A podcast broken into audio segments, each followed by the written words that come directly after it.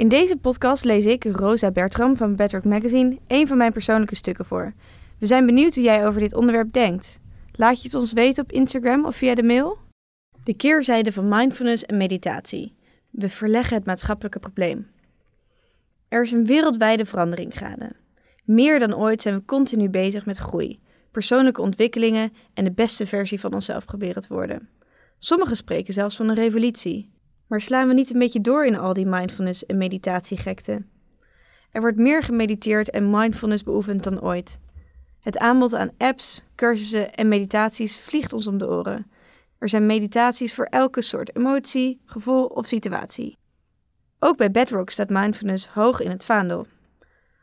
Op de mindfulness hype, om het maar even zo te noemen, is nu steeds meer kritiek vanuit de traditionele meditatiehoek, schrijven onder andere The Guardian en het NRC. Afgelopen zomer verscheen een kritisch boek over de keerzijde van de mindfulness rage. Auteur van het boek en managementhoogleraar Ronald Purser gaf het de passende titel: Mac Mindfulness: How Mindfulness Became the New Capitalist Spirituality. Een rake titel. Wat is er mis met mindfulness? dacht ik direct toen ik deze titel van het boek las.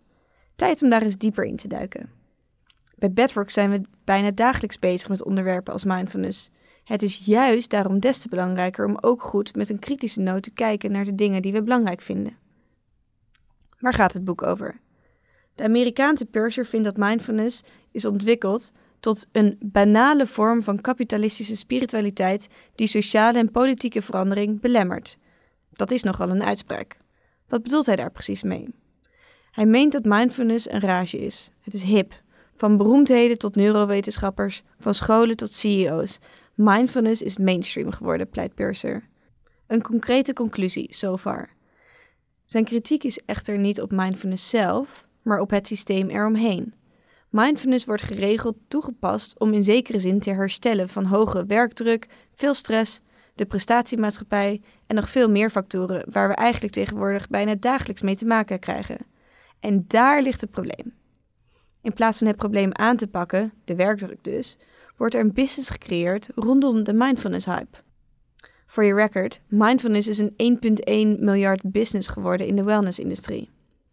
Van de rage is John Kabat-Zinn zich bewust geworden, microbioloog en grondlegger van mindfulness-based stress reduction, de man die mindfulness naar het Westen bracht. Hij zegt: Mindfulness is bewezen effectief, maar het is geen quick fix. Mindfulness, zoals het nu wordt aangeboden, houdt het stressveroorzakende systeem in stand. Het is een soort quick fix geworden van het echte probleem dat we hebben in de prestatiemaatschappij. Purses exacte woorden zijn: Mindfulness is een banale vorm van kapitalisme geworden, die gedachteloos sociale en politieke transformatie vermijdt. En daar heeft hij natuurlijk wel een punt.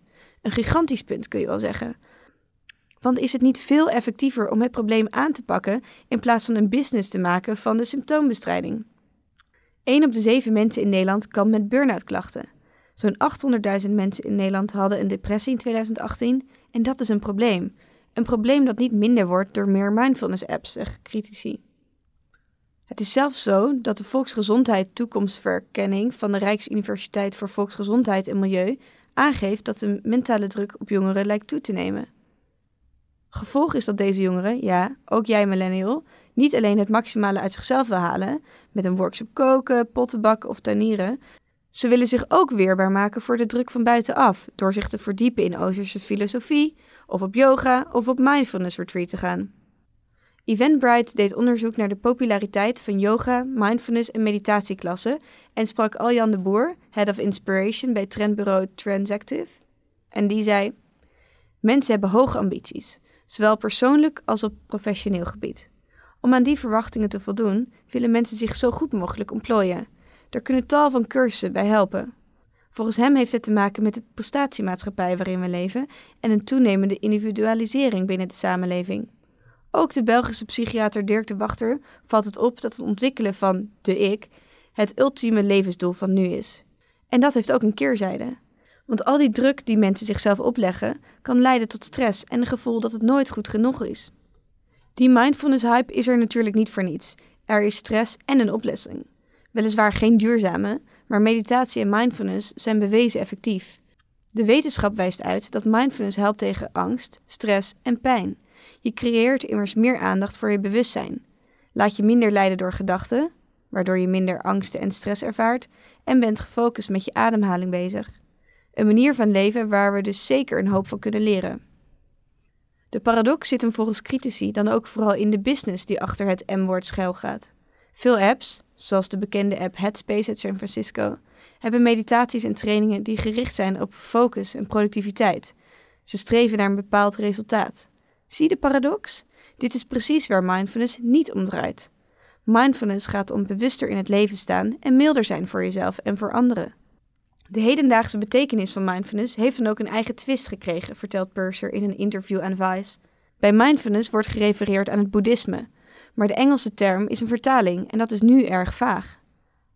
Meditatie- en mindfulness-cursussen worden steeds vaker bij grote bedrijven gegeven en georganiseerd. Daar hebben werknemers behoefte aan.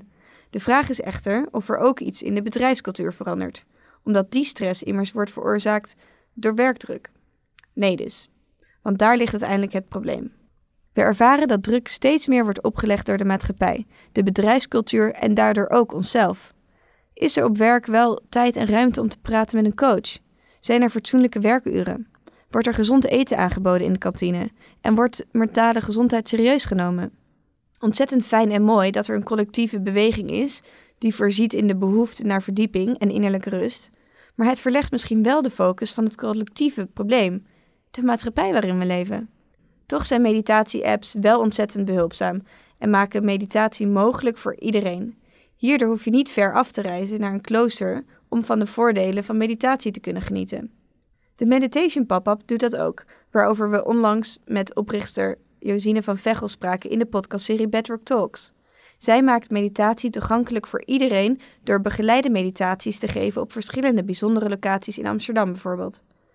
Meditatie en mindfulness mag dan een goede bestrijder zijn tegen stress en angsten.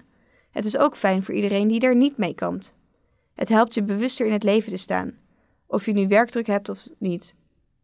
Mindfulness kan je overal toepassen door letterlijk bewust dingen te doen: eten, zitten, praten, kijken of fietsen bijvoorbeeld. Merk je dat je behoefte hebt aan hulp, bijvoorbeeld op je werk of juist begeleiding met mindfulness of meditatie? Er kunnen namelijk allerlei moeilijke gevoelens naar boven komen dan kan het een goed idee zijn om contact op te nemen met een coach.